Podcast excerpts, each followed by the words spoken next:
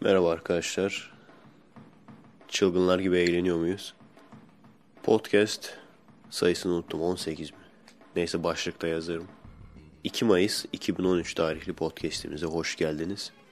Uzun süredir araya video montajı vesaire girdiği için podcast yapamadım. Aslında konu vardı. Baya bir konu birikmişti yani. Sizin bahsettiğiniz abi şundan da bahsetsene falan konu birikti dediğiniz aslında konuların birçoğuna girmeyeceğim. İşte başbakan milli içkimiz ayrandır demiş falan. Hayır, e, koskoca başbakan olmasa şey diyeceğim. Acayip acayip laflar söyleyip gündeme gelmeye çalışıyor falan diyeceğim ama herhalde gündeme kendisini gündeme getirmeye ihtiyacı olmamalı. Yoktur diye düşünüyorum. Memleket meseleleriyle artık ben mala bağladım tam olarak. Artık ilgilenmiyorum. Lig maçlarıyla falan daha çok ilgileniyorum. Çünkü onun sonucu o kadar kesin değil yani. Kimin şampiyon olacağı falan hala kesin değil. Onlarla biraz daha ilgileniyorum. Hani bizim memleketin nereye gittiği artık kesinleşti. Yalnız bazı şeyler oluyormuş. İşte akil insanları konuşturtmuyorlarmış falan. Acaba insanlar bilinçlendi mi? Bu adamların niyetinin ne olduğunu yavaş yavaş anlamaya başladılar mı? Yoksa her e, şehirdeki MHP'li veya CHP'li gruplar mı müdahale ediyor? Onu da tabii ki bilemeyiz. En son referandum falan olduğu zaman bileceğiz. Memleketle ilgili bilemediğim tek şey Apo mu daha önce çıkacak ben mi daha önce çıkacağım? Şu anda ben biraz bastırıyorum artık. Biraz da şansımın e, yardımıyla biraz bastırıyorum. Apo'dan önce ben çıkabilirim. Yarışı geçme ihtimalim var yani. Pes etmedim yani. Zaman gazetesinde falan yazıyordu hatırlıyor musunuz? Asla işte Öcalan'a ev hapsi olamaz falan. Doğru. Yalan değil. Ev hapsi olmaz. Direkt salarlar yani. Ondan sonra ne diyorlardı işte Said Nursi'nin fikirlerini benimsediğimiz sürece ülke bölünmez falan. Ona da herhalde şey diyecekler. Bak bölünmedik ya özellik oldu falan. Bir ay önce bunları diyorlardı. İnsanlar bakıp yetkililerden açıklama görüp rahatlasın diye. Bizim insanımız özellikle yandaşımız harika. Gözünün gördüğüne değil de yetkililerin söylediğine inanır. Her zaman için budur. Çocuğu zehirlenir sütten. Yetkili çıkar der ki yok yok yok zehirlenme diye bir şey olmaz falan der. Ha tamam zehirlenmemişiz falan. Suç bizde falan derler. Hep derler ya işte mesaj atarlar. Size de diyorlardır kesin. İnanmıyorsa inanma kardeşim. İşte bize niye müdahale ediyorsun falan. Ben kime müdahale ettim ki? Ama hoşlarına gitmediği olay şu. Biz açık açık söylememiz bunu. İşte kutsalıma dokunma o benim kutsalım falan. O zaman ben de kafadan bir şey uydurayım bu benim kutsalım buna dokunma diyeyim. Herkes her şeye dokunuyor mu? Atatürk'e bile dokunuyor herkes. Onlara dokunuyorlarsa o zaman ben de götümden kutsallar uydurayım. Diyeyim ki şu benim kutsalım dokunma. Onunla ilgili konuşma. İnsanların esas derdi şu. Bundan rahatsız olan. Bize diyorlar ki neden işte dinle ilgili konuşup duruyorsun? Birinci sebebi birçok sebebi var da birinci sebebi din sayesinde insanların gözleriyle gördüklerine değil, kendi beyinleriyle bir şeye karar verdiklerine değil, yetkililerin, tepedeki insanların söylediğine, sözlere inanması. Küçüklükten beri kendi gördüğüne değil de filancanın söylediğine veya filanca yerde yazdığına inan. Zihniyetiyle insanları büyütürseniz, yetiştirirseniz, kulluk zihniyetiyle yetiştirirseniz, hadi doğru mu yanlış mı şunu söyleyin. Küçüklükten beri, ilkokuldan beri şunu söylemezler mi? Kul olmak iyidir. İyi bir kul ol. Kulluk iyidir. Küçüklükten beri bize kul olmak iyidir. Kul ol. Güzel bir kul ol. Kaderine boyun eğ. Hep böyle işte ibretli hikayeler falan anlatırlar. Filanca filanca kişi böyle çok alimmiş de ne sorarsan sor bilmiyorum diyormuş. Bilmiyorum, bilmiyorum. Her şeyi bilmiyorum diyormuş falan. Sonra işte şey demişler. Kaderine bak ne güzel razı geliyor falan. Kaderine razı gel. Kul ol. Bunun tam tersini bizler bunun tam tersini söylediğimiz için kendi kaderini nerede doğmuş olursa ol. Maddi durumun ne olmuş olursa olsun. Kendi kaderini sonuna kadar ne istiyorsan değiştirmeye çalışacaksın. Ben herhangi bir yerde satış temsilcisi özellikle şey babam doktor olduğu için beni hep şeye yollardı. İlaç firmalarına falan böyle reprezent falan olayım diye. Herhangi bir yerde satış temsilcisi olup hayatımın sonuna kadar 1000 lira, 2000 lira, 3000 lira maaşla milletin ağız kokusunu çekerek yaşayan milyonlarca insandan bir tanesi olabilirdim. Ama ben kaderimi reddettim. Kul olmayı da reddettim. birey olmaya karar verdim. Bir tane hayatınız var. İkinci hayatı olduğunu düşünenler için kul olmak çok büyük bir sorun olmasa gerek. Ama bir tane hayatınız var. Ve o hayatı da kul olarak değil birey olarak yaşamanız lazım. Hep derler ki bizde işte kula kulluk kesinlikle yoktur. Dünyanın en büyük yalanı. Bizdeki kadar, bizim ülkedeki kadar kula kulluk yapan veya bizim Orta Doğu ülkeleri kadar kula kulluk yapan başka bir yer gösterebilir misiniz? Dünya üzerine hadi gösterin. Daha düşük seviyelerde var. İşte papazlar, rahipler bilmem neler. Ama bizim kadar ya. Dokunuyor adam çarpılıyor falan böyle uçuyor. Taklalar atıyor falan. Cübbeli Hoca, kimse sevmez tabii onu. Bir hikaye anlatıyordu. Sallama mı? Yoksa yani kendisi mi salladı yoksa bir yerden okuyup da mı söyledi bilmiyorum tabii de. Peygamberin sidini içmişler zamanında. Onu böyle güzel bir şey olarak anlatıyordu. Peygamberin sidini içtiğin zaman kesinlikle cehenneme gitmiyorsun. Cehennem sana dokunamaz. Ben de o zaman bir şey iddia ediyorum. Benim sidimi içen de kesinlikle öldükten sonra cehenneme gitmeyecek. Bu kesin yani. Bunun için beni dava ederler mi bilmiyorum ama bu benim söylediğim doğru. Hatta doğru olduğunu da kanıtlayabilirim yani. Benim sidimi içen öldükten sonra cehenneme gitmeyecek. Kesin yani. Ha, içmeyen de gitmeyecek o ayrı mesele de onu karıştırma şimdi. Bu hikayeyi o esnada kendim uydurdu yoksa bir yerden mi okuyup da söyledi bilmiyorum bu sidek içme hikayesini. Ama adamların zihniyetini mükemmel bir şekilde anlatıyor. Adamların zihniyeti bu işte.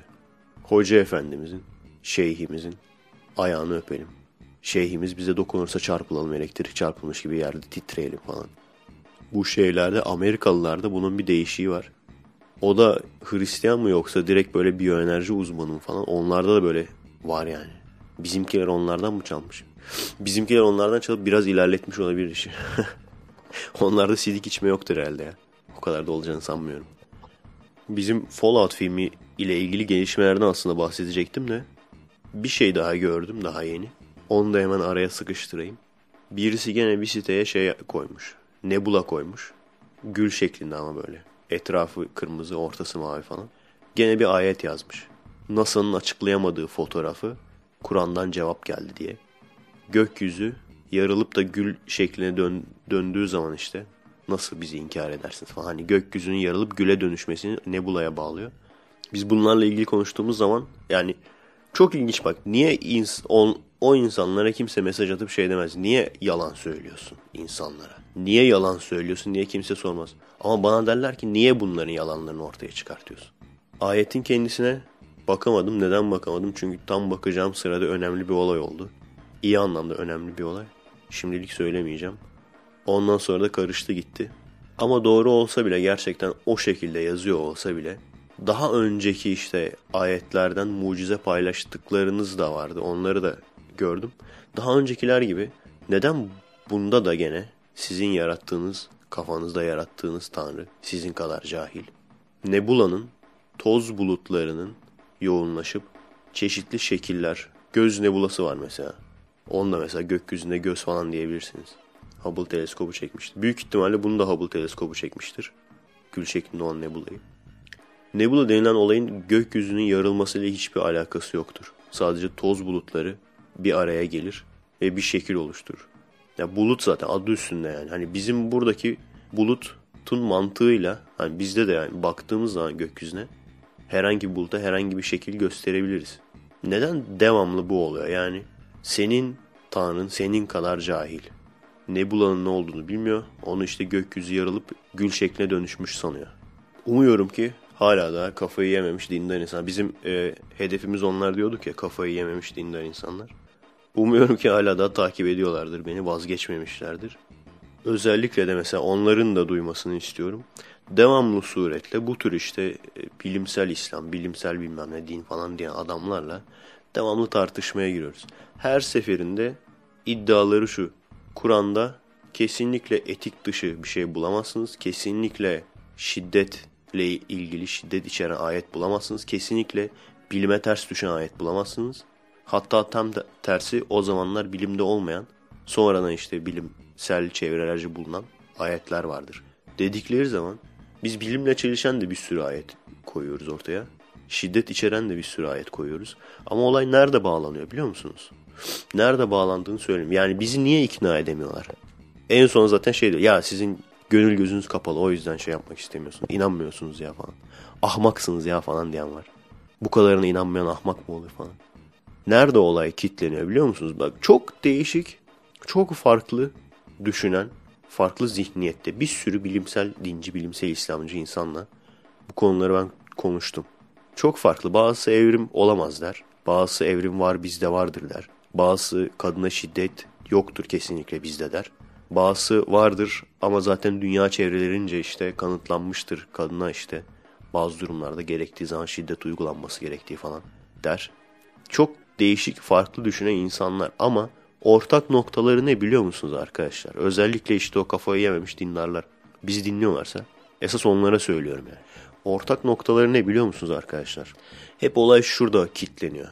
O ayetin aslında anlamı farklı. Her seferinde bak her seferinde. O ayetin aslında anlamı farklı.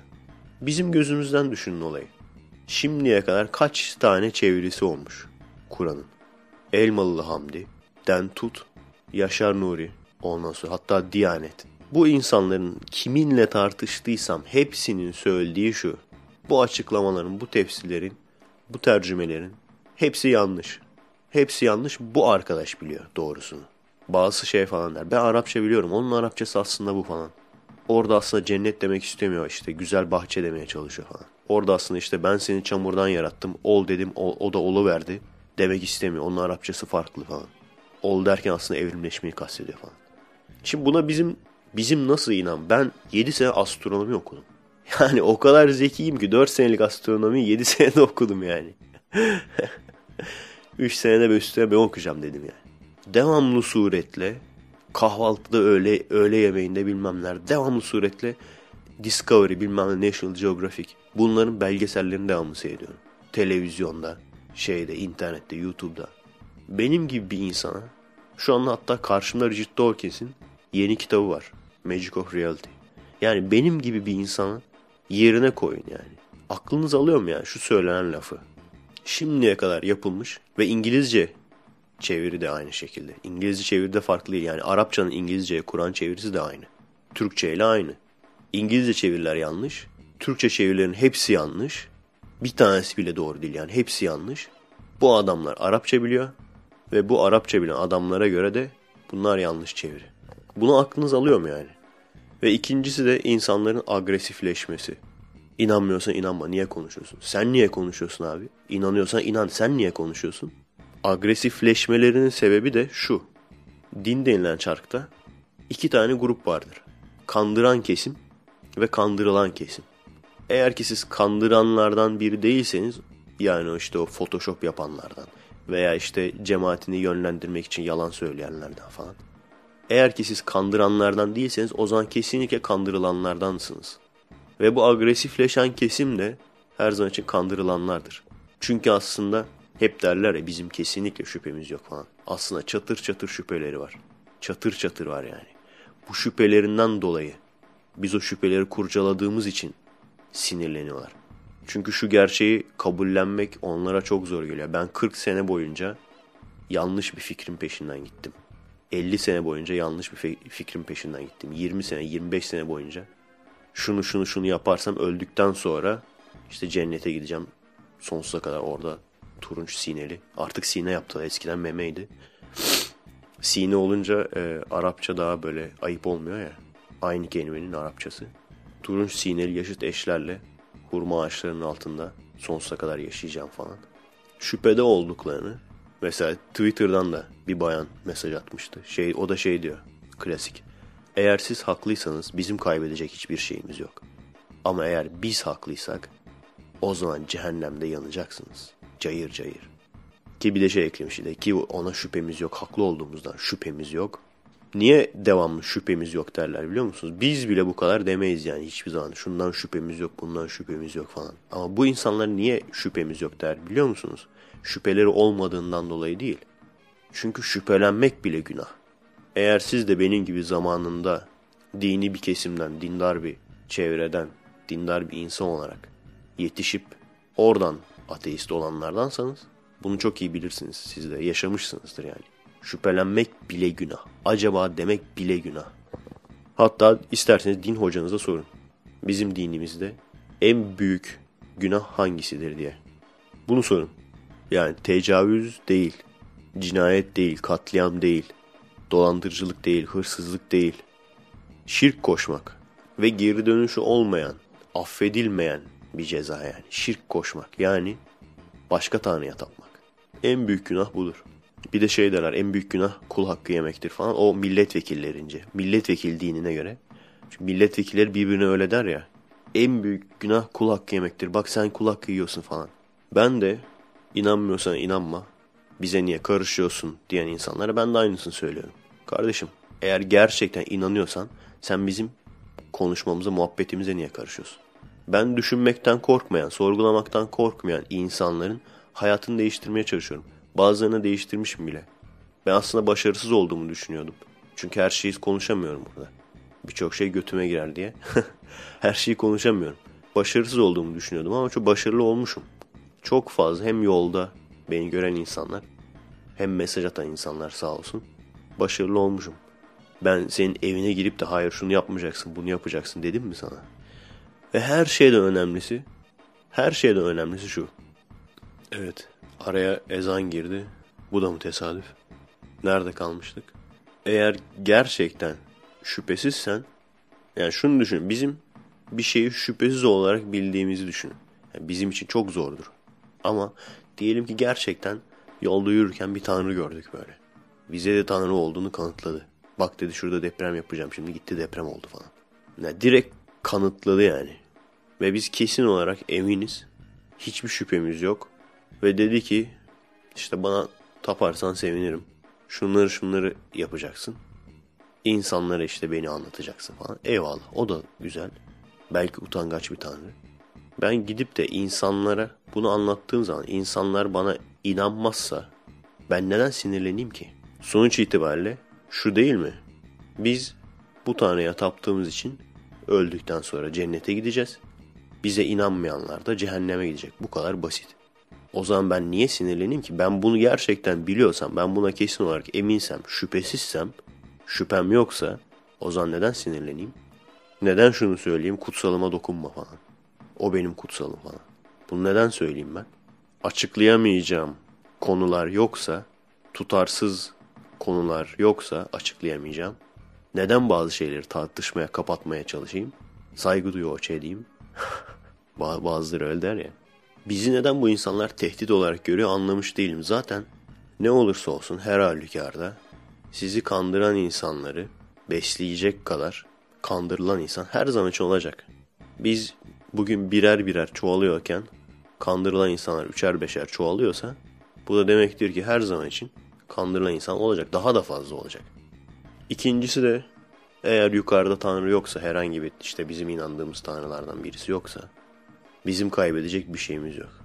Senin olmayabilir. Ben bunu daha önce de söyledim. Artık podcastleri dinlememiş gibi aynı şeyleri söyleyip durmayın arkadaşlar. Bu hayatın tek hayat, ilk ve son hayat olduğunu, yukarıdan bizi kollayan, gözlemleyen birisi olmadığını en azından bizim inançlarımıza göre. Belki bizim bilmediğimiz bir tür bir tanrı vardır. Seyrediyordur eğlence olsun diye bizi. Onu bilemem.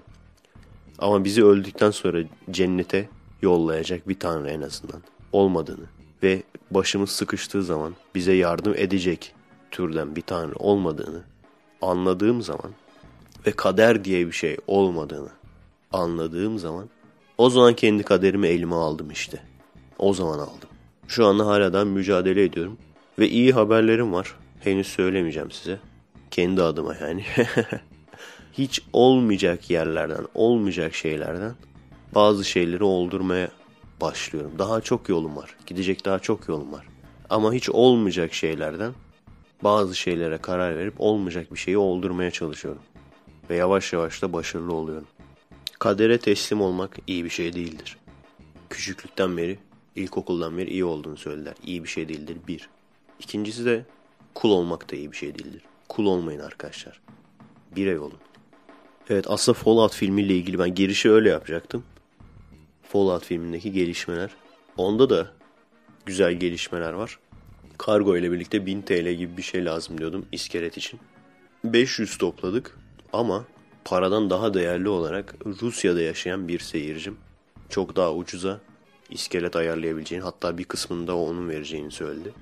Evet bu kadar seven beni insanlar var. Yani kendi parasıyla iskeleti alacak. Kendi nakliyatı varmış. Nakliyat şirketi mi öyle bir şey. İstanbul'a getirecek kamyonda. İstanbul'dan İzmir'e karşına ödemeli kargo. Ben alacağım elime geçecek. Elime geçtikten sonra parayı yatıracağım ben. Ve e, çok ucuz bir para yani. Zaten yarı fiyatına almış.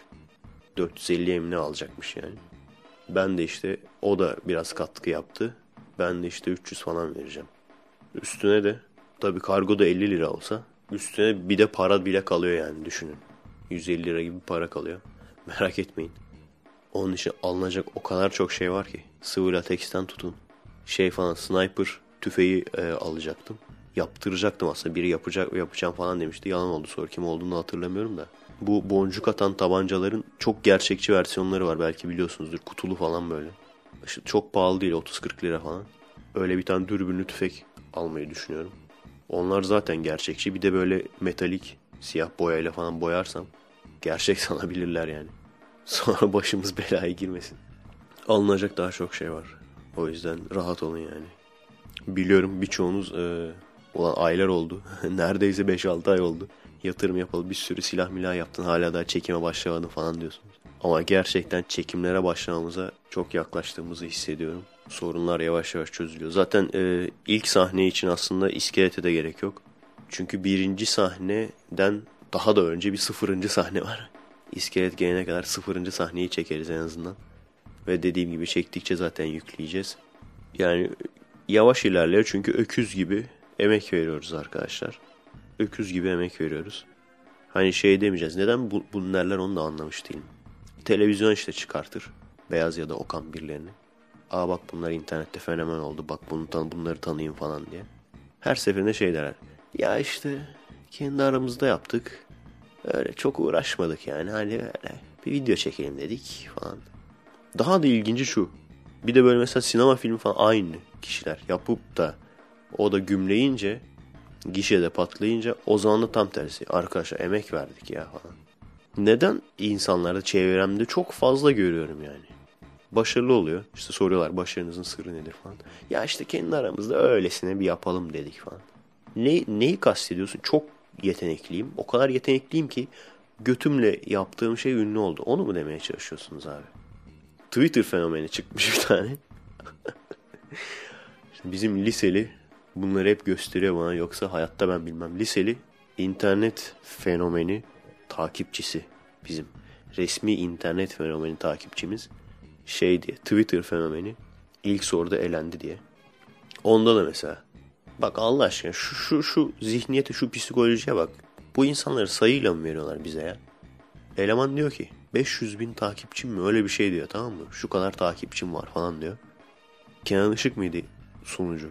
Kenan Işık da soruyor işte ne yazıyorsun Twitter'da çok mu böyle ma- manalı şeyler yazıyorsun? Ya öyle saçmalıyorum. İşte kendi kafama göre takılıyorum falan. Daha sonra adamın parayla takipçi satın aldığı ortaya çıkıyor. Bazı öyle yerler var ya Twitter'da mı ne hani şey, şey derler. İşte şuraya tıkla anında bin takipçin olsun falan diye. Artı şey falan diyor adam zaten. Ya işte ben kitap okumam ama genel kültürüm yüksektir falan. Şu insanları çok var bak böyle insan. Kitap okumamasıyla övünüp bir de genel kültürünü, genel kültür demekle neyi kastediyor acaba? Justin Bieber'ın yaşını falan mı soracaklar sanıyor. Genel kültür o mu sanıyor yani? Ulan milletin geri zekalısı benim demek ki. Hala daha hiçbir şey bilmiyormuşum gibi devamlı elimde yanımda bilimle ilgili kitaplar okuyoruz. Milletin geri zekalısı biziz demek ki. Hani öldürmek istediğiniz, kafasını böyle taşla ezmek istediğiniz inekler vardır ya sınıfın. Coğrafyadan 95 alır ya herif. Coğrafyadan 95 alır. Ondan sonra der ki ya hiç çalışmadım ya falan. Vahiy mi indi abi? Yani bir insan coğrafyayı çalışmadan nasıl bilebilir yani Harraon Ovası'nda ne çıktığını? Tek tek gezdin mi ovaları amına koyayım? Yaylaları mı gezdin? Aa bak bilmem ne havzasında zeytin yetişiyor falan. Yani o kadar zekiyim ki sırf böyle adını görerek hiç çalışmadım. Adını görerek böyle. Hmm, Harran diyor. Kesin pamuk vardır bunda falan. Bu mu yani? Bunu böyle mi 95 aldın? Hani niye, niye ayıp bir şey yani çalışmak, okumak bizde niye ayıp olarak gözüküyor? Yok okumadım abi yemin ederim okumadım falan. O coğrafya soruları da acayip zaten beni deli eder ya sinir ederdi yani. Hele ki şimdi astronomi eskiden astronomi varmış onu kaldırmışlar. Temel bir astronomi vermek yerine bu kadar işte coğrafya, tarih bilmem bu kadar ezberci ama ezberci bir şekilde detayına girerek öğretmeye çalışmaları beni sinir ediyor. Ya yani şu anda üniversiteden mezun olduk. Hiçbir şekilde hangi ovada ne çıkar, hangi havzada ne yetişir, hangi yaylada ne toplanır hiçbir şekilde bilmem yani. Boşu boşuna ezberlettiler bize. Onun yerine çok basit, çok temel bir astronomi dersi koysalar. Bir sene ya. Kendim için demiyorum. Ben zaten artık şu saatten sonra hiçbir şey düşünmüyorum bu ülkede. Kendim için demiyorum. Zamanında yapsalardı diyorum yani. Neden? Bazı arkadaşlarım var. inanılmaz eğitimli. Benden kat kat daha fazla eğitimli falan. Yurt dışında falan çalışıyorlar falan böyle. Sözelciler gerçi de işte. Ama yine de adam konuşuyor işte şu bu falan. Tarihle ilgili konuşuyor, felsefeyle ilgili konuşuyor falan. Hani derya gibi dinliyorsun. Şu aslında bu olmamalıydı, bu aslında şu olmamalıydı falan. Helal olsun falan diyorsun. Ondan sonra sana dönüp şeyi soruyor. Efe ya sen astronomiden mezunsun bilirsin. Ben de şeyi soracak sanırım. Süpernova'yı falan. Veya kuazarları falan soracak sanıyorum. Şimdi bu yıldızlar kendi enerjilerini kendi mi veriyor? Allah belanı versin seni. Şimdi bu yıldızlar da güneş gibi mi yani? Eben gibi eben. Alın size eğitim sistemindeki yanlışlık. İşte bu. Bu yani. Bu kadar yüksek eğitimli olan insanların güneşin yıldızın ne olduğunu bilmemesi. Güneşin etrafında dönen kaç tane gezegen olduğunu bilmemesi. Ben demiyorum ki yıldızların evrimini inceleyin falan diye liselerde. Yani en azından adam kafasını kaldırdığı zaman neyin ne olduğunu bilsin. Hala da yıldız kaydığı zaman onu yıldız kayan bir yıldız sanmasın yani. Veya hala da kuyruklu yıldız gördüğü zaman onu gerçekten kuyruğu olan bir yıldız sanmasın yani. Jüpiter'i gördüğü zaman UFO sanmasın. Gavurlarda çocukluktan başlıyor zaten uzay kampları bilmem neler. Hep böyle okullar topluca böyle yerlere götürüyorlar. Orada işte planetaryumlar, astronomi dersleri falan. Bizde bu de var da sadece özel okullarda falan var. Bunun kesinlikle her okulun en azından ne bileyim astronomi dersi açılmasa bile fizik dersinde falan veya bilim, hayat bilgisi mi diyor, fen, fen bilimleri mi? Fen bilimleri dersinde falan gitmeleri lazım yani. İnsanlar sığır olmasın.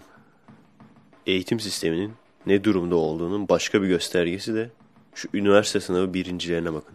Bizim zamanımızda da öyleydi. ÖSS birincisi. Şimdi de öyle. YGS birincisi. YGS birincisi olmayı başarmış kapasitede bir insanın dua ettim kazandım demesi yani işte çok çalıştım dua ettim kazandım demesi bile eğitim sistemimizin durumunu gösterir. Şimdi de diyorlar mı bilmiyorum bizim zamanımızda şey derlerdi işte e, 2000 senesi veya 1999'un en zeki öğrencisi. Biz salakmışız demek ki. En çok soruyu çözen en zeki oluyormuş. Sadece ÖSS ile de bitmiyor. İleride de göreceksiniz. KPSS, ALES hepsinin mantığı aynıdır. Şöyle bir şey yok yani hani biraz zorlu bir şeyler soralım. Vakit sınırlaması olmasın veya çok fazla olsun vakit. İnsanlarda veya soru çok az olsun ama zorlu olsun. İnsanlar da oturup düşünerek soru çözmeyi, problem çözmeyi becerebilsinler. Yani oturup acele etmeden zor bir işi halletmesini bilsinler. Ama bizde tam tersi. Sorular basit, çok hızlı çözmen lazım. Yani çekirdekten memur yetiştiriyorlar. Memur zihniyet yetiştiriyorlar yani. Çok çabuk çöz, hızlı hızlı hallet. Bazıları yanlış olsa da önemli değil. Ama gerçek hayat böyle mi? Gerçek hayat bu şekilde mi? Tam tersi. Bir problemi çözmek için bol bol vaktim var. Ama hataya, yanlışa insanların kimsenin tahammülü yok. Bir doktorun hızlı hızlı hastaları tedavi ettiğini düşünsenize. Zaten öyle yapmak zorunda kalıyor. Yani adamların herhalde KPSS, ALES falan veya işte bütün sınavlarının bu şekilde olmasının sebebi herhalde o. Hastalar geliyor hızlı hızlı tedavi edelim. Çünkü çok hasta var, çok az vakit var. Arada birkaç tanesi bir şey olsa da sorun değil falan. Bir doktor bunu dese ne yaparsınız? Tekme tokat dalarsınız değil mi abi?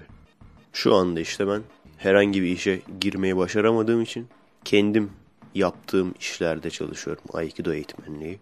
YouTube'dan eskiden gelir geliyordu. Oradan para geliyordu falan. Önümüzdeki ay gene gelecekmiş söylediklerine göre. Ama ben ne iş yapıyorsam yapayım. Yavaş ama düzgün yaparım. Benim felsefem bu. Ben ne iş yapıyorsam yapayım. Yavaş yaparım. Çok vakit harcarım. Ama o iş düzgün olur. Hiçbir yer tarafından kabul edilmememin sebebi bence bu. Bir de kılık kıyafete çok takılırlar. Bir de şeye benim dürüstlük sorunum var. hani şey sor, sorarlar ya iş başvurusunda işte kötü yanınızı söyleyin falan. Herkes şey der çok dürüstüm, çok açık sözlüyüm falan. İşte ben harbiden dürüstüm. Sorun orada yani. Oysa ki o kadar dürüst olmamak lazım. Neyse ben de zaten yaşaya yaşaya öğrendim. En azından susmayı öğrendim. En azından teknik olarak yalan olmayan şeyler söylemeyi öğrendim ki başka türlü insanlarla iyi geçinme gibi bir şansım yok yani. Palavra arkadaşlar. Devamlı işte ta- tamamen dürüst olun, tamamen açık sözlü olun, tamamen dobra olun falan hep derler ya veya paylaşırlar falan. Palavra arkadaşlar yaşayamıyorsunuz yani. Yaşayamazsınız. Bana devamlı video yollayan adamları düşünün mesela. Efe abi bak Yemekteyiz'in komiğini yaptım nasıl olmuş falan diyen adama bok gibi olmuş sen bu işi yapma desem seyircilerimin yarısı gider yani. Bir de üzmek de istemem yani insanları. Çünkü yarın bir gün akıllanıp iyi bir iş yapmayacağı da belli değil. Hmm ilginç olmuş falan. Veya işte ya bu sanki tekrarlanmıştı ya falan diye böyle. Hani teknik olarak yalan olmayan şeyler söylemeye çalışırım. Veya şeyi düşünün ya 20 yaşlarındasın böyle. Hormonlar tavana vurmuş artık. Hadi açık sözlü ol ondan sonra. Orada sınıfta falan veya işte kampüste falan böyle kızlarla tanışıyorsun falan. Gidip şey diyeceksin kıza. Bayan var ya ben seni parçalarım parçalarım. Seni var ya parçalarım. Hadi de hadi bu lafı de yani. Bir tane arkadaşın kalacak mı? Veya böyle git bir kızın peşinden hiç tanımadığın. Eğer dobraysan veya açık sözlüysen. Yani o Liar Liar filmi var ya Jim Carrey'nin. Adam Amerika'da yapıyor başına bir ton iş geliyor. Türkiye'de olsa o herif ölür yani. Hani film 15 dakika sürer. 15. dakikada takarlar bıçağı herife. Biliyorsunuz değil mi o filmi? Adama büyü, büyü oluyor. Adam yalancıyken devamlı dürüst oluyor falan. Devamlı aklında ne varsa onu söylüyor falan. Yani Türkiye'de çekilse o film 15 dakika sürer. Sürmez bile yani. Hadi git koşa koşa git mesela. Bir kızın peşinden. De ki bayan o nasıl bir göt? O nasıl bir göt bayan? Hadi bunu söyle. Ağzına kadar gelmiyor mu bazen? İşte bak evlendim böyle şeylerden kurtuldum yani. Ve ondan sonra da artık kendimi filme falan verdim. Ondan sonra zaten üretkenliğim arttı. Abazanlıktan kurtulunca. Ama harbiden olmuyor muydu öyle yani? Bayan pardon sizin götünüze ithafen haiku yazdım. Japon şiiri yazdım. Sayyoku wa saishu. Tenno yo ni arewareta. Soriro wa miru miru kakutaishi. Zinsukai yu oitsuku shite itta. 人々は絶望していく中、球児ら中心でとmukammunun taçına itta. Yani diyorum ki ilkbaharda açan kiraz çiçeği gibi götünüz var. Hadi de bunu ne yaparsan. Şurada erkekler dinliyorsa beni hiç suratını görmediğin sırf arkadan kalçasına aşık olup şiir yazdığın içinden kaç tane kız var? Her birine gidip böyle konuşsan ne olur? Her birine gidip konuşsan her birinin sevgilisinden, tokmakcandan birer bıçak yesen demire doyarsın yani. Bir daha hayatında ıspanak yemene gerek kalmaz. O yüzden ben açık açık söylüyorum arkadaşlar. Kafanızdaki her şeyi ağzınıza söylemek zorunda değilsiniz. Söylemeyin. Ben söyledim başıma gelmeyen kalmadı. Yalan da söylemeyin. Yalancı olmak da iyi bir şey değil. Neden değil? Çünkü bir kere size yalancı damgası vurulduğu zaman ondan sonra hiç kimse sizin söylediğinize inanmaz. Ki benim beni düşünün yani. Benim söylediğim şeyler o kadar inanılmaz oluyor ki bazen başıma gelen olaylar falan. Hani onu söyleyen ben olmasam kimse inanmaz yani. Arkadaşlara sorun. Bazen öyle acayip şeyler geliyor ki başıma. Gençken özellikle geliyordu. Şimdi gelse burada anlatırım zaten de. Yalan da söylemeyin ama ağzınıza gelen kafanızda olan her şeyi de çıkıp da söylemek zorunda değilsiniz yani. Hı hı falan diyebilirsiniz. Veya sizin karşınızda adam işte felsefe yapıyor, kafa açıyor falan. Ya kardeşim iki dakika durur musun? Bir şey soracağım ha. Sen mal mısın ya? Yani bana öyle geldi, malsın gibi geldi diye sorup insanları üzerseniz o zaman arkadaşınız kalmaz yani. Çok fazla açık sözlü olmak iyi değil. Hemen felsefeyi karıştırdım. Felsefenin hiç ilgilenmedim felsefeyle. Felsefeyi Türkler kötü tanıttı bize, bizim gibi insanlara. Bana sorsan şu anda felsefe nedir diye kafa açma sanatı derim yani. Ki etrafında felsefe deyip duran insanların birçoğunun ağır mal olmasından kaynaklanan bir şey aynı zamanda. Dediğim gibi söylediğim yanlış olabilir. Sorumluluk kabul etmiyorum. Felsefeyi yanlış tanıtanlar utansın. Birçok insanın Aikido için ne biçim sanatlı o öyle elini kolunu tutmalı falan demesinin sebebi birinci sebebi Aikido'yu yanlış tanıtan insanlar olduğu gibi yani. Bak zamanında Platon muydu Descartes mıydı hadi felsefeciler söyleyin. Platon'du galiba değil mi? Buraya geometri bilmeyen giremez. Adam akademi açmış ama çıldıracak artık yani. Millet geliyor ikide birde. Hocam bu masa mı? Bu sandalye mi? Ya değilse falan. Siktir git çocuğum diyemiyor işte. O yüzden başa bir şeye koymuş yani. Ön bir beceri lazım. Bir gereksinim. Geometri. Biliyor musun kardeşim? Şuna paralel kenar diyebiliyor musun? Ha, o zaman gel. Ya değilse, ya üçgense, ya bizim algılarımız siktir git hadi. Yeter Platon olmak da kolay değil ya. Adamın akademide öyle dersler var mesela. Pazartesi, çarşamba 11-12 arası bu masa mı dersi. Bu masa budan kaç aldın abi falan. Hoca taktı bana ya. Platon taktı bana abi.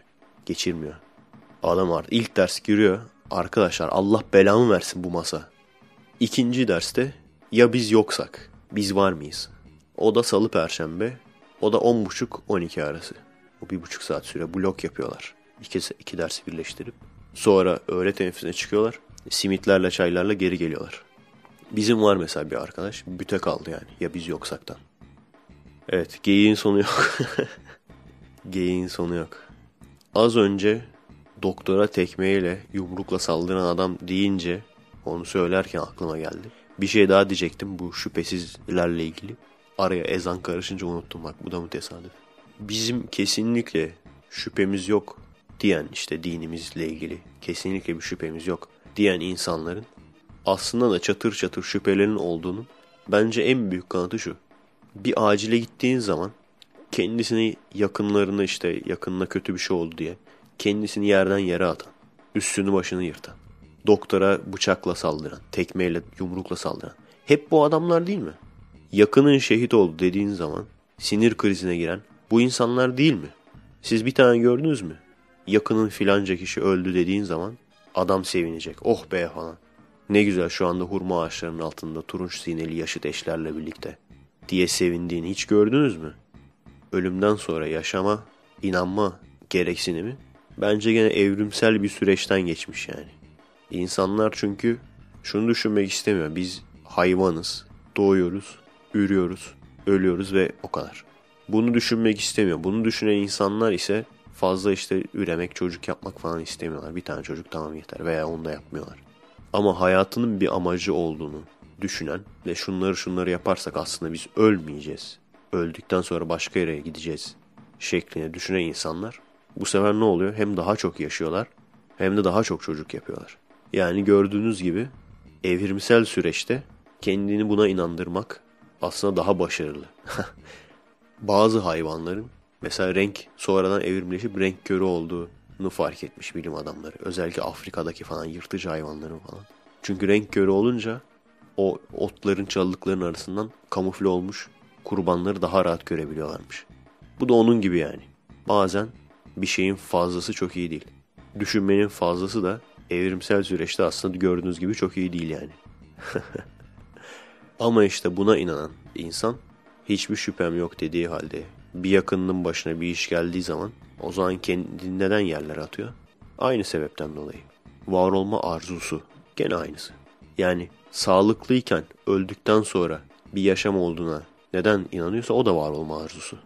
Bir yakını ölünce veya kendi öleceğini fark edince aynı şekilde krize girmesinin sebebi de aynı. Yani kendini kandırıyorlar ama bir yere kadar kandırıyorlar. Bir noktadan sonra gerçekle yüzleşiyorlar. Yani sen git o tekme tokat saldırdığın, dövdüğün doktorun yaptığı 24 saat nöbeti hadi yap bakalım. 24 saat nöbet lan 24 saat nöbet ne demek? Ve normalde olması gereken kapasiteden çok daha fazla hasta gelmesi. Ulan ben 24 saat nöbet yapsam hastanın içinde hastaneyi unuturum lan. Ameliyat odasını unuturum. Çok önceden sağlık sistemi değiştiği zaman ki değişim ne olduğunu hatırlamıyorum bile şu anda. Ama şeyi hatırlıyorum. İşte sağlık sistemi değişti. Bu biraz e, bazı hastaneleri dinciler ele geçirdi falan diye bir muhabbet vardı. Onların eczaneleri falan böyle süpermarket gibi yapacaklar falan. Onlara bağlı olacak falan. Onların işine gelsin diye bazı değişiklikler yapıldı. O zaman konuşmuştum. Şu an gerçekten hatırlamıyorum değişikliklerin ne olduğunu. Ama şunu demiştim yani. Hasta sayısı çok daha fazla artacak. Şu an herkes oh ne güzel değişiklik oldu seviniyoruz falan diyor gene. Hasta sayısı çok fazla artacak. Gene hasta yığılması olacak. Gene doktora bulacaklar kabahati. Bir kişi de çıkıp şey demeyecek. Bu sistem kötü falan. Ha şeyi hatırlıyorum bak şöyle bir şey vardı. Çok fazla sorumluluk getiriyorlar. Olur olmaz tıp merkezlerine veya küçük hastanelere. Yani hani küçük esnafı öldürüyorlar muhabbeti var ya. Hastaneler tıp merkezlerine de aynı şey oluyor. Herkes büyük olanlara gitsin diye. Küçücük mesela tıp merkezine işte acil bilmem ne özürlü çıkışı merdiveni asansör öyle acayip şeyler yani. Bunların hep zorunluluk olarak getiriyor. Hepsinin maliyeti var. Bu maliyetin altından kalkamayanlar amaç o zaten. Küçük olanlar maliyetin altından kalkamasın kapatsınlar. Kapatıyorlar ne oluyor? Herkes belli hastaneleri doluşuyor. Belli hastanede doluşunca normalde 25 hasta bakması gereken doktora 50 tane 60 tane hasta yükleniyor bir anda. Ondan sonra doktor bize bakmıyor. Neyse arkadaşlar. Podcast'in başında da dediğim gibi iyi, önemli ve iyi bir olay oldu benim adıma. Umuyorum ki darısı başınıza şu andaki söylemeyeceğim. Çünkü kesin değil. Arkadaşlar bu aradan notlarıma baktım. Çok önemli bir konuda neredeyse atlıyormuşum. Daha önce size e, külçe altın dinine geçtim demiştim. Şimdi gene vazgeçtim. Bu sefer Aztek dinine geçtim. Aztek dininin biliyorsunuz bazı kuralları var. Tanrı'ya kurban verirler. Neden verirler biliyor musunuz? Tanrı'ya kurban vermezlerse güneşin doğmayacağını düşünürler. O yüzden her gün Aztekler Tanrı'ya bir kurban verir. Hatta insan kalmayınca başka kabilelere saldırıp onları böyle esir alıp o esirlerden falan teker teker kurban veriyorlar. Siz adamları istediğiniz kadar vahşi deyin. Adamlar ne kadar ulvi bir görev yapıyor bak. Adamlar o kurbanları vermesi, o insanları öldürmesi güneş doğmayacak. Bir kere de şeyi düşünmüşler mi? Ulan bir kere de öldürmeyen bakalım doğ ne olacak doğmayacak mı falan diye. Ne kadar ilginç değil mi arkadaşlar? Şimdi mesela e, onlara bazı sapık diyor olabilir. Vay sapıklar falan insan kesiyor falan. Oysa ki şu anda bizim Tanrı'ya küçük baş hayvan kurban etmemizin kesinlikle bir e, anormal tarafı yok. Yine dinde doğru bilinen yanlışlar. Biz bunu söylediğimiz zaman herkes der ki ne alakası var biz Tanrı'ya kurban etmiyoruz ki biz işte fakirlere dağıtıyoruz falan amaç o. Hayır amaç o değil kendi dinini öğren önce. O küçük baş hayvanı sen Tanrı'ya kurban ediyorsun. Eğer sen o küçük baş hayvanı Tanrı'ya kurban etmiyorsan o zaman neden fakir adama gidip koyun eti veriyorsun, kuzu eti veriyorsun, para versene. O kadarlık bir para ver. O kadarlık bir parayı zaten zekat olarak veriyorsun. Fakire yardım zaten zekattır. Kurbansa Tanrı'ya kurban adamaktır. Fakire yardım değildir. O şekilde biraz mantıklı göstermeye çalışıyor insanlar. O kadar çok doğru bilinen yanlış var ki. İşte sevimlileştirilmeye veya işte mantık eklenmeye çalışılmış böyle. Bu da onlardan birisi. Neyse biz Aztek dinimize dönelim. Şimdi hani diyeceksiniz neden Aztek dinine geçtin? Günün birinde külçe altın dinine inanırken masamda kalemlikte duran bir pilot kalem gördüm. Bu pilot kaleme baktığım zaman kapağını açıyorum. Bir sanat var. Ucuna bakıyorum mürekkep ucu. Her element kalemcik molekülleri, bütün kalemcik molekülleri bu tesadüfen gelip de tesadüfen gelip kendi kendi pilot kalem oluşturmuş olabilir mi? Bunların hepsi sanatlı bak. Ha, şimdi Aztek dinine inanmayan ateist amca ya aramıza şöyle bir alalım. Geldin mi? Aramıza gel, girdin mi aramıza? Ha. Şimdi sen ateistler biliyorsunuz ne der? Ateistler pilot kalem kendi kendine oluşmuş der. Şimdi ben bu ateist amcayı paramparça edeceğim. Biz Aztek dini olarak neye inanıyoruz? Her gün bir kurban verip güneşi doğurduğumuza. Peki bak burada kurban verdik verdik. Peki bunun sonrasında güneş doğdu mu doğdu. Ha bu da mı tesadüf? Şimdi bak ha bak ateist amcanın hala da gözleri mühürlü. Gözleri mühürlü, kafası mühürlü olduğu için, ahmak olduğu için bu ahmak anlamıyor. Ne yaparsın? Yine bir konu atlamışım. Ne kadar organizasyon sıfır ya bende. Kusura bakmayın arkadaş hiç organize değilim.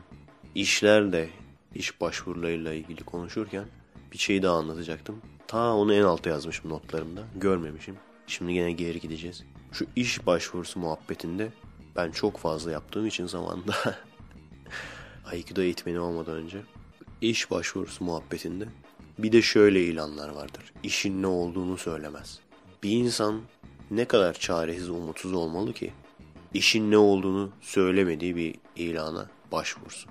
Evet ben başvurmuştum zamanında ama şimdi düşünüyorum da ne kadar acı bir şey değil mi arkadaşlar? Yani insanlar milletin işsiz olmasını, işe ne kadar muhtaç olduklarını bildikleri için işin ne olduğunu bile söylemiyorlar. Arıyorsun, abicim iş ne? İşte uluslararası bir şirket. Bir tane annem bulmuştu bana ilan olarak. Ne dedim bu iş? İşte Efe dedi iyi İngilizce bilen ha işte uluslararası bir şirket falan. Kendine güvenen elemanlar arıyormuş. Tamam ben güveniyorum kendime. Gittik takım elbise falan böyle. Bir otel gibi bir şey yerdeydi. Gittik Herbalife çıktı abi. Bakıyorum Herbalife toplantısı diyor. E dedim iş toplantısı vardı o nerede? İşte bak iş bu diyor. Girmeden geri gittim. Peki dedim ve girmeden geri gittim ya. Yazık. Kendimizi sizler de zamanında yapmışsınızdır veya şu an hala yapıyorsunuzdur. Kendimizi ne kadar ayaklar altına alıyoruz zorunlu olarak. Kendimizi ne kadar küçültüyoruz. Şu an olsa arar küfrederim yani. Sırf aslında trollüğüne yapacağım onu. Arayacağım diyeceğim ki kardeşim sizin burada ilanınız var. Yapıştırmışsınız buraya. Ne iş nedir abicim?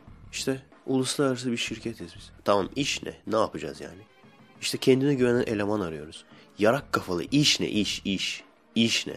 İşte gelin konuşalım. Senin ananı kız bacını diye böyle gireceksin ondan sonra abi. Bu Adanalı küfrüdür. Askerliğimi Adana'da yaptığım için. Birincisi küfürü onaylatırlar. Senin kız bacına tecavüz edeyim ha? Diye böyle. Ha? Edeyim mi? Okay cancel. Et abi et. Senin kız bacı. İkincisi de kız bacı. Normal bacı kurtarmıyor yani. Hani alıyor tecavüz ediyor 7 gün içerisinde iade etme hakkı var. Lan diyor tecavüz ettim ama kız çıkmadı bu falan. Adamlar tecavüz ederken bile seçici yani. O onaylama olayı çok yoruyor insanı ya. Devamlı aralarda küfür ederken işte sizin ananızı ağrınızı ha falan diye böyle. O çok yoruyor yani onu dinlemesi. Bizim komutan vardı bir tane. Normal konuşurken de öyle onaylatıyordu devamlı. Her cümlede ama ya. Bir de böyle ha ha falan da diyemezsin ya komutana. Komutan ha ha demek suç yani. evet komutanım demen lazım her seferinde. Konuşuyor konuşuyor konuşuyor. Ha evet komutanım. Neyse bu konuda üstünden geçmiş olduk bak şey yapmadık. En azından unutmadık. Hani çevremde gördüğüm felsefecilerin zeka seviyesi falan demiştim ya. Pelin Batu'dan bahsetmesek olmaz. Ayıp olur yani. Yazık zavallı. Apo'nun mektubunu dinlemiş de ağlamış. Eskiden hatırlıyorum bir 5-10 sene önce falan. Şehit mektupları dinlendiği zaman ağlanırdı. Şimdi Apo mektubu dinleyince ağlanıyor. Devamlı iki lafından bir tanesi işte tez hazırlıyorum. Felsefe üzerine. Şu felsefe üzerine şu adamı okudum. Bu adamı okudum bilmem ne. Bir insan bu kadar mı kasar yani? Ben seksi bayandan fazlasıyım. Ben sadece bir seksi bayan değilim. Bundan fazlasıyım. Benim kafamda çalışıyor. Bu kadar mı kasar kendisini? Çok size samimi olarak söylüyorum. Kesinlikle bana Demet Akalın falan daha az itici geliyor. Beni bilirsiniz. Kendisinin ne olduğunu kabul eden insanlara ben her zaman için daha fazla saygı duyuyorum. Demet Akalın bize hitap etmiyor. Hiç görsem kanalı çeviririm. Ama ne olduğunu biliyor kadın.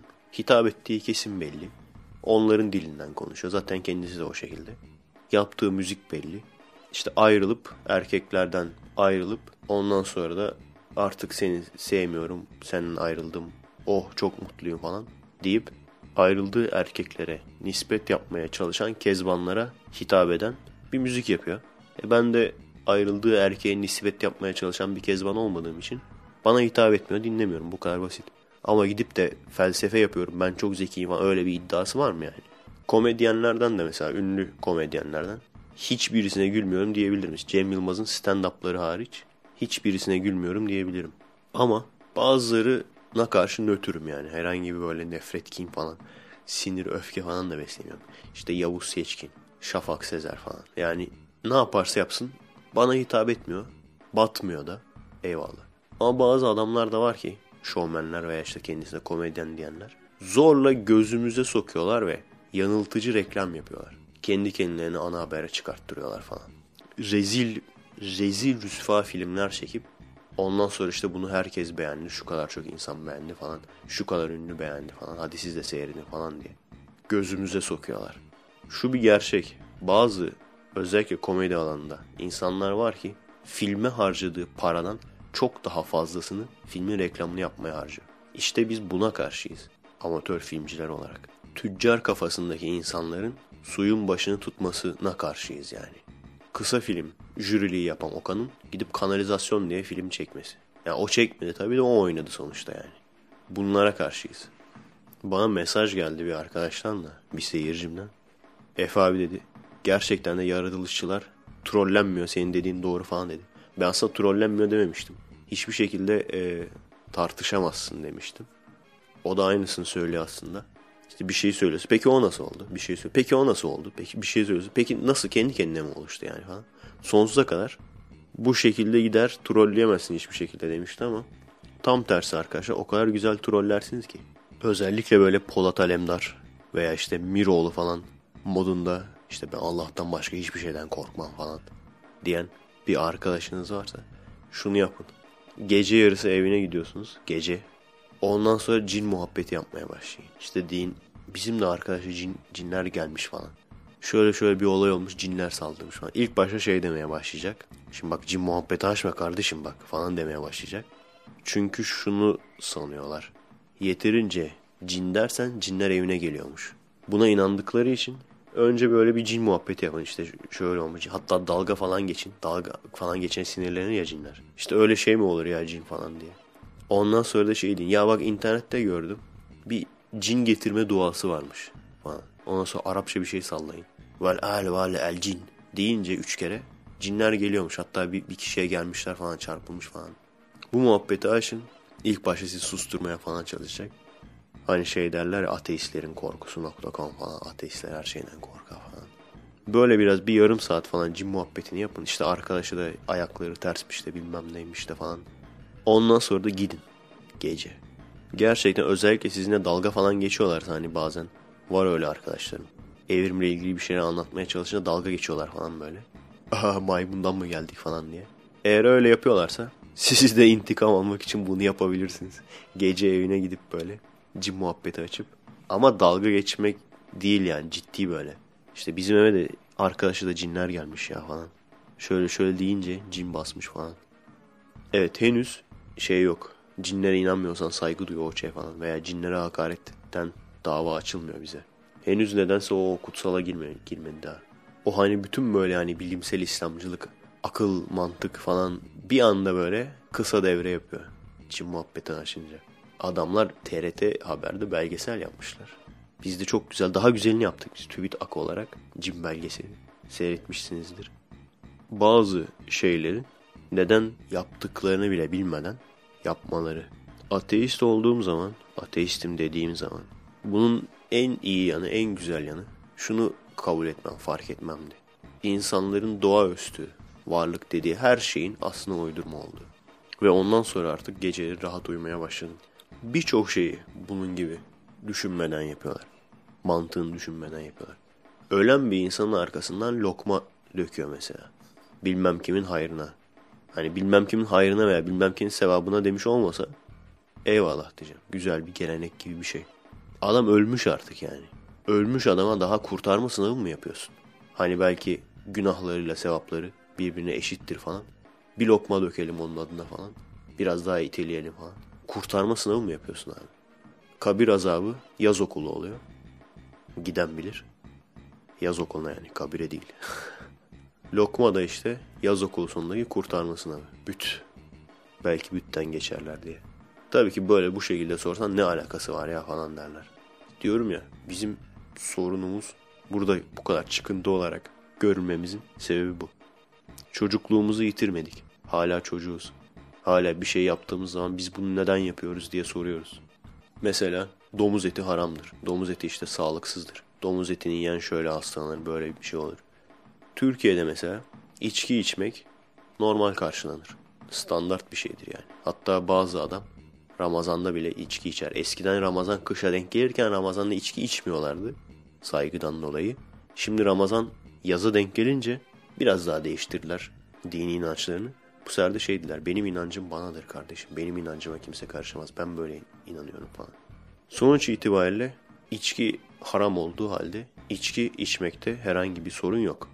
Zina yani evlilik dışı ilişki yasak olduğu halde cezası Kur'an'da yüz sopa ve e, hadislerde ise taşlanarak öldürülme olduğu halde zina yapmanın da evlilik dışı ilişkiye girmenin de herhangi bir sıkıntısı yok. Hatta bunun için şey der buna da mesela yanlış çeviri falan derler. Aslında orada zina derken fuhuş şu kastediyor falan derler. Ama ayet şöyle der. Zina yapan erkek veya kadından. Demek ki o zamanlar jigololuk da varmış. Bir. İkincisi de kimse kimseyi kandırmasın. Fuhuş olsa ne fark edecek? En çok genel eve gidenler cahil kesim değil mi? Dayısı işte elinden tutar, amcası elinden tutar götürür. Bir öğrensin önce falan diye. Fuhuş olsa ne olacak yani? Bunlar için herhangi bir sorun yok. Zina, içki. Ama domuz eti dedim mi adam kendini yerden yere atar. Size kesin olarak şunu söyleyeyim. Domuz eti yiyorum desem benimle konuşmayacak arkadaşlarım var. Gerçi artık yok onlarla fazla konuşmuyorum da. Etrafım full tinerci oldu. Ama sizin çevrenizde yüzde yüz vardır. Hatta kendisi içki muhabbeti yapar. Kendisi işte şu hatuna şöyle çaktım falan muhabbeti yapar. Ama domuz eti desen adam seninle konuşmaz yani pislik der sana. Domuz eti şu anda dünyanın en çok tüketilen ikinci eti. Bunu bilmiyordunuz büyük ihtimalle. Çok az kesim tarafından tüketiliyor falan sanıyordunuz. Bizim burada çünkü büyük bir pislik olarak gözüktüğü için, anlatıldığı için nasıl oluyor hem Müslümanlar hem de Yahudiler domuz eti yemediği halde nasıl dünyanın en çok tüketilen ikinci eti oluyor diye soracak olursanız Çinliler var, Japonlar var. Yani sadece Hristiyanlar değil domuz eti yiyen. E zaten Çinliler tek başına yeter yani. Dünyanın birçok gelişmiş ülkesinde bu tüketiliyor. Ha bana soracak olursanız bence en iyisi vejeteryan olmak. Daha önce de demiştim zaten. Yani şöyle etin sadece besleyici değerlerini değil aynı zamanda tadını da alabilecek bir duruma geldiğimiz zaman sanırım Amerika'da falan veya işte Avrupa ülkelerinde varmış öyle tofu veya işte soya ile ilgili veya soyaya benzeyen böyle. Hani şey falan iddia ediyorlardı. Tadını farkını anlayamazsınız falan. Gerçek hamburger sanarsınız falan. Bilmiyorum ne kadar doğru. Domuz eti eğer Türkiye'de piyasaya gelse, girse bir kere her şeyden önce dana eti seve seve ucuzlamak zorunda kalır. Romanya'ya gittim. Dana eti 15 lira abi. Domuz eti zaten en iyi tarafı böyle. Hani onların da şeyin vardır ya dananın böyle ne antrikot falan böyle bir sürü yeri vardır ya. Böyle öyle düşün yani domuzun antrikotu falan. Onlar bile 8-9 lira yani kilosu. Bizim gibi hayvancılıkta bu kadar ileri olduğunu iddia ettiğimiz bir ülkede nasıl bu kadar pahalı olabilir bu et? Bir kere dananın tekelciliği var. Alternatifi yok yani. Biraz hindi geldi. Tam yarışamıyor danayla ama. İkincisi de bizde şöyle öyle bir mantık var yani. Et pahalıdır. Sen istediğin kadar maliyeti falan ucuzlat et gene pahalı. Çünkü et pahalıdır diye bir kural var yani. Pastırma altını geçti diyorlardı. Harbiden de öyle yani. Pastırmanın gramı altı, altının gramından daha fazla. İdi en son. Bir de unutmadan geçen gün başıma gelen bir olayı da anlatmak istiyorum. Aslında bu kadar özelimi anlatmak doğru değil ama aynısı sizin başınıza gelmemesi için söylemek zorundayım. Belki birkaç kişinin hayatını kurtarabilirim. Yakın zamanda hatırlıyorsunuz kürtaj muhabbeti vardı. Tamamen boş bir muhabbet. Neden boş muhabbet olduğunu da söyleyeyim. Haftalarca, aylarca kürtaj cinayettir, kürtaj şudur, budur. Adamlar bağırdılar, çağırdılar. En sonunda işte kural getireceğiz, kanun getireceğiz falan dediler. Bunların işte yandaşları alkışladılar falan filan. Çocuklarımızı koruyacak artık falan diye.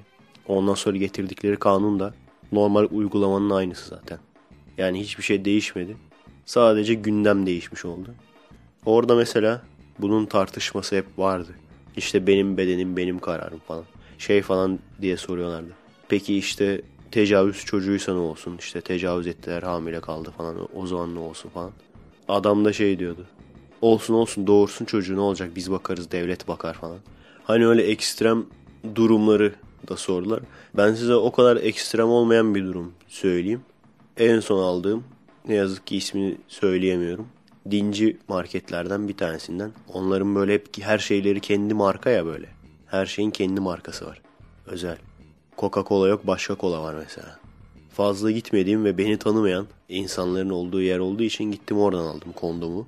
Ondan sonra iş işten geçtikten sonra kondomda kocaman bir delik olduğunu fark ettim. Ama bayağı çivi sokmuşsun gibi yani.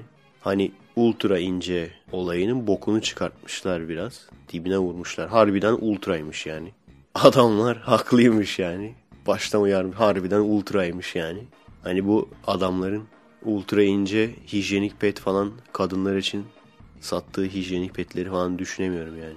Tek yaprak tuvalet kağıdını ultra ince hijyenik pet diye satıyorlardır herhalde. Neyse ki herhangi bir sorun çıkmadı. Şu an rahatım. Ama çıkabilirdi. Kesinlikle bakın benim suçum da değil yani. Zaten kondom bozuk olmasa bile sağlam da olsa %100 koruma sağlamaz. Hep %80 derler. Şu an arttı mı bilmiyorum da. Teknoloji gelişince arttı bilmiyorum ama %80 derler yani. Şimdi benim zaten kazancım kendime zor yetiyor. Yapmak istediğim bir sürü iş var. Gelecekle ilgili bir sürü planım var. Oraya gideceğim, onu yapacağım, bunu yapacağım. Onun için bile zar zor para biriktiriyorum. Ve şu sırada sır benim suçum olmadığı halde benim bir çocuğum olacak olsa bunu aldıramayacak mıyım yani? Bu adamların söyledi. Bu adamlara sorsan şimdi bak. Bu adamlara git bunu sor. Böyle bir durum olsa aldırılmayacak mı falan, aldıramayacak mıyız falan. Adamlar gene aynı şeyler. Doğursunlar, devletimiz bakar. İşte böyle bir ülkede yaşıyoruz arkadaşlar. İsterseniz bu örneği isim vermeden böyle bir örnek var diye sorun. Bir AKP'li arkadaşa, bir AKP'li bakana sorun. Bu şekilde bunu söylemeleri gayet normal. Kadınları çocuk üretme makinesi sanan bir zihniyet için ne olacak ya bir tane çıkartı versin bakamayacaksa bize yollasın. Bir kadının çocuk doğurmak için 9 ay 10 gün neler çektiğini sen biliyor musun? Senin hatan yüzünden sana bir tane yetimhanede yetiştirip büyütüp şu anki yetimhanelerde biliyorsunuz yetim çocuklar harika yetiştiriliyor ya. Devlet müthiş bakıyor ya. Doğuş Reis anlatıyordu işte ne kadar müthiş baktıklarını. Sana bir tane daha orduna bir, bir tane daha asker çıkacak diye 9 ay 10 gün acı mı çekecek yani? Psikolojik ve de fiziksel acı. Bu insanlara sorsan, bu insanlara bakın zihniyeti şudur. Evet, kadın erkeğin yardımcısıdır.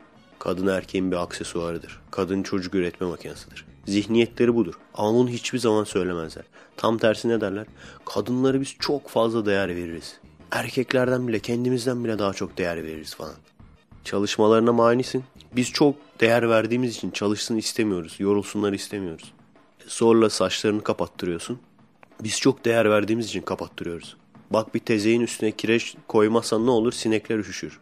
Biz de işte aynen bu kadar değer veriyoruz kadınımıza. Kürtajı tartışabilmen için birisiyle önce karşındaki adamın embriyolojiden anlaması lazım. Bunu bilmesi lazım. Adam şunu sanıyorsa sperm yumurtaya geliyor, yumurtanın içine giriyor. Yumurtanın içine girince yukarıdan cız diye ruh basıyorlar ve insan oluyor bir anda. Yoksa siz şunu hep sormuşsunuzdur. Hatta Fatih Altaylı da sordu. O zaman dedi sperm öldürmek veya kondom kullanmak o zaman katliam dedi yani. Yok canım ne alakası var falan. Ne alakası var diyor da açıklayamıyor. Ben onun yerine açıklayayım. İşte bu az önce söylediğim olay. Çocuğu böyle doğuyor sanıyor çünkü bu insanlar. Anlatabiliyor muyum? Siz istediğiniz kadar benim bedenim bilmem ne bunu değil. Adam embriyolojiyi bilmiyor ki. Sperm yumurtanın içine giriyor yukarıdan cız ruh basılıyor. Bunu sanıyor yani. Sperm yumurtaya değene kadar ruh yok. O, o yüzden sorun değil. Yumurtanın içine girince ruh giriyor içine. Gel bu insanlara kürtajı anlat. Ve işte e, o yüzden zaten bakın kürtaj böyle bir şey deyip de ölü bebek resimleri koyarlar. Aslında kürtajda alınan embriyo insan şeklinde bile değil. Ve hiçbir şekilde yani bir çiçeği koparmakla kürtaj yapmanın hiçbir farkı yok. Çünkü bilinci yok. Duyuları yok. Algıları yok. Anlatabiliyor muyum? Bir çiçek koparmakla kürtaj yapmanın hiçbir farkı yok. Çok ilginçtir ki otel dikeceğim diye orman katliamı yapan bir adam bir tane embriyonun derdine düşüyor. Neyse çok yakında kurtulacağım bunlardan. Evet arkadaşlar size doyum olmaz. Maşallah pek muhabbetlisiniz. Podcast'in başından beri tek kelime söylemediniz hep ben konuştum. Bunun bir de montajı var. Fazla uzatmayalım. Cuma'ya cumartesiye yetiştirmeye çalışacağım. İleride başka bir yere gittiğim zaman oradan canlı yayın yaparız. Şu an pek bir numarası yok yani canlı yayın yapmanın. O zaman yaparız. Blog TV'den falan böyle. Sönmez, sönmez reis gibi. Birçok insan da yine artık kararımı verdim, fikrimi sen değiştirdin. Artık yurt dışında yaşamaya karar verdim. Ne yapmalıyım falan diye soruyorlar. Birçok insanın demek ki fikrini değiştirmişim. Zaten dönüp dolaşacağınız fikir bu yani. Ne yazık ki gün gelecek siz de anlayacaksınız ne kadar az olduğumuzu. Ne yapmanız lazım? Aslında sırf yurt dışında var olabilmeniz veya oraya kabul edilmeniz değil. Zaten gitmek kolay. Evleniyorsun. Gidiyorsun bitiyor olay. Bütün hayatta önemli olan sadece yurt dışında değil. Bütün hayatta önemli olan ve yurt dışına gittiğiniz zaman daha da önemli olacak şey. Çünkü orası devler ligi. Buradaki gibi kapağı bir yere atmak falan o kadar kolay değil yani. Yapmanız gereken şey yaşınız kaç olursa olsun isterseniz lisenin başında olun, isterseniz üniversitenin başında olun, isterseniz üniversiteyi bitirmiş olun fark etmez. Üç tane önemli şey var. Birincisi level kasacaksınız. İkincisi skill kasacaksınız. Üçüncüsü item kasacaksınız. Şimdi böyle deyince cazip geldi değil mi? Şimdiye kadar yapmıyordunuz. Böyle deyince cazip geldi. O Skyrim'de, Dota'da, WoW'da ki karakterinize gösterdiğiniz özeni kendinize gösterseydiniz şimdi zaten çoktan gitmiştiniz. Ben şu an Skyrim oynadığım için oradaki değerlere göre söylüyorum size. Level kasmak yani eğitim düzeyi. Birçok insan şey der işte. Ya okuyorsun da ne oluyor falan. Eğitim görüyorsun da ne oluyor. Eben oluyor eben eben. Onlar kahvede oturup bunu söylemeye devam etsinler. Bir, level kasmak. İki, skill kasmak. Mümkün olduğu kadar çok işte usta olmak. Ama böyle şey gibi değil. Maymun iştahlılar gibi. Ona bir ay gittim, ötekine bir ay gittim, ona iki ay gittim falan. Sonra Facebook'a hepsini yaz böyle. Facebook'ta böyle şeyleri. Interest, ilgi alanları. İşte Aikido, e, hiking, camping, alpinizm, at binicilik, dalış, mo motocross, motor sporları, modifiye tabii ki olmak zorunda. Paraşütle atlama falan. Şeyden fuara gidiyor mesela oradan kaç 30 liraya mı ne paraşütle atlatıyorlar ya. Atlıyor eve gelip interested paraşütle atlama falan yazıyor böyle. Öyle değil yani. Gerçekten kendinizi verip işin üstadı olmak yani. Birçok insanda bunu ne yazık ki göremiyorum. Biraz geliyor bırakıyor. Her konuda yani. Filmcilikte olsun, Aikido'da olsun. Dil öğrenirken olsun. Kendinizi vereceksiniz. Skill kasacaksınız. Hiç aklınıza gelmeyecek bir özelliğiniz yüzünden bile çok iyi bir iş bulabilirsiniz. Ve üçüncüsü de item kasacaksınız. Ne yazık ki ben ikisini kasmaktan üçüncüyü kasmaya vakit bulamamıştım. Şimdi üçüncüyü de kasıyorum. Para her şey değildir. Doğru. Ama çoğu zaman çok fazla şeyi fark ettirebilir. Bir sefil bir insanla hayatı çözmüş bir insan arasındaki fark olabilir. Ama bu üçünü birden kasmanız lazım. Tek şey de değildir para. Birçok insanla bunu duyuyorum. Para her şeydir falan. Para varsa gerisi yalan falan. Para varsa gerisi yalansa o zaman zengin insanlar niye hepsi mutlu değil? Ve hatta niye çoğu mutsuz? Anlatmıştım birkaç podcast önce. İkoncan bayanlardan bir tanesi benim eskiden tanıdığım bir arkadaşla çıkıyorlardı falan. İnanılmaz zengin. Yani hayatı boyunca harcayamayacağı kadar parası var. Ama barda gece kulübünde dayak yiyor sevgilisinden herkesin içinde. Yüzüne gözüne yumruk tokat yiyor. Rihanna'ya bak 19 yaşındaydı. Serveti 75 milyon dolar mı neydi? Ki bu benim söylediğim 6-7 sene önce. Ama ağzını burnunu dağıttı sevgilisi. Çok ilginç geliyor bana. Para her şey değildir. Üç tane önemli şey var işte. Üçünü birden kasacaksınız. Bir tanesini unutup level 1, skill 0 ama para bok. O zaman hiçbir şey olmaz. O zaman ne olur biliyor musun? Ya işte sevgilisiyle kavga edip yanlışlıkla öldürüp sonra kafasını kesen kolpalardan biri olursun. Ya kalantor iş adamı olup genç çıtır biriyle evlenip arkadaşlarına sen hava atarken o genç çıtır kendi genç sevgilileriyle seni aldatıyor olur. Farkında olmazsın. Veya bir gün görürsün yakalarsın falan. Aile faciası. Veya sen kendi karını çıtırlarla aldatırken yakalanırsın.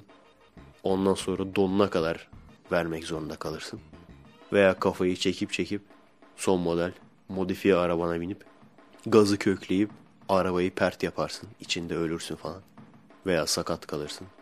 Sonra gazetelerde senin için şey der. Onun umutları vardı falan. Onun umutları vardı. Arkaya da neon takmak istiyordu falan.